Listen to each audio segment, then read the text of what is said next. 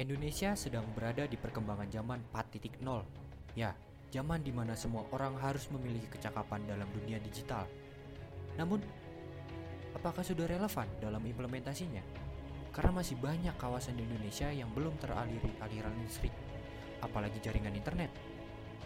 Sentralisasi yang masih berjalan di dunia pendidikan membuat semua murid dipaksakan untuk sama, padahal alatnya saja belum ada. Kemampuannya pun masih terbatas. Segala inovasi terus berjalan. Memang, inovasi diperlukan demi perkembangan menuju yang lebih maju. Tapi mana dulu yang lebih penting? Pemerataan atau penerapan? Saya Richard, ayo bergerak di dunia pendidikan.